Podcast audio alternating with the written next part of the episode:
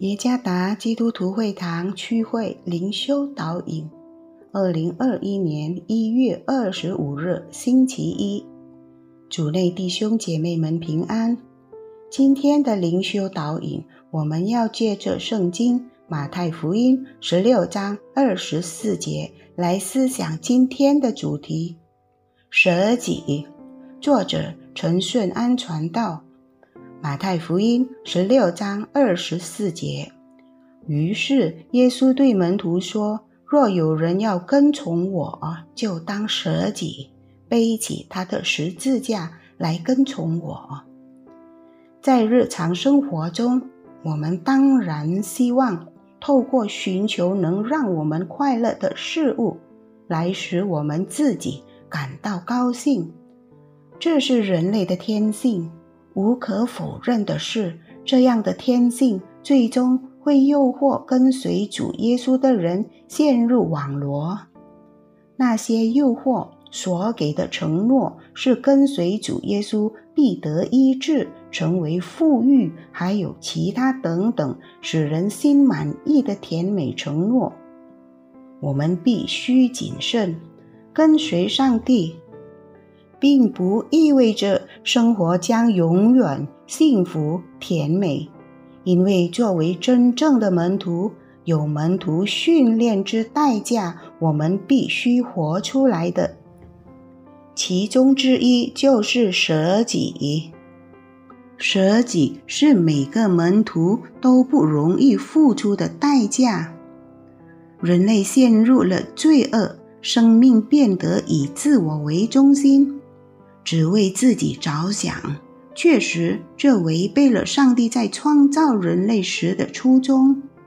上帝希望他所创造的人只以他为中心。在基督耶稣里，上帝向罪人展示了他的独生子如何以他为中心。基督的一生都专注于上帝，他总是否定或拒绝一切。从恶者会使他跌倒的试探、诱惑、诡计，他用上帝的真理抵抗恶者。在基督耶稣里，上帝使所救赎的子民经历基督耶稣的生活。他赐给他们能力，成为表现出基督化生活品质之神的儿女。其中之一就是。活出门徒训练的代价，就是舍己，与基督合一的生活，赐予他们理解、智慧，甚至力量，抵抗、拒绝一切从二者会使他们跌倒的试探、诱惑，并使他们回到老旧生活的轨迹。他们时刻交托于基督。祈求他的力量与帮助来致死自己，否定他们的老我。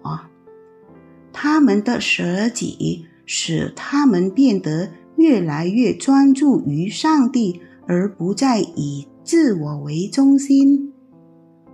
我们作为基督的跟随者的态度又如何呢？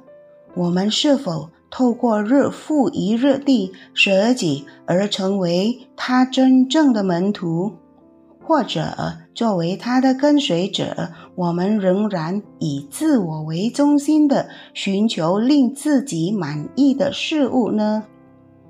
基督耶稣让我们成为和他一样的门徒，他希望我们继续不断地弃绝我们的老我，因为我们的老我。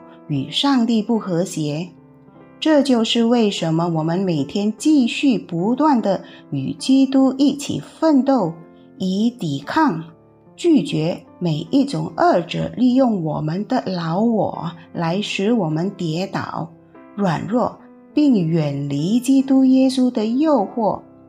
思想并遵行上帝的道，将使我们从上帝那里得到力量。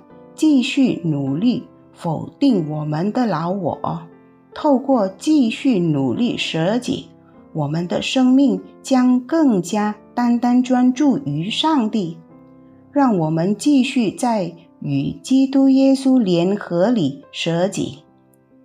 舍己意味着我的生命不再是照着我的意愿，乃是照着上帝为我生命的旨意。主耶稣赐福。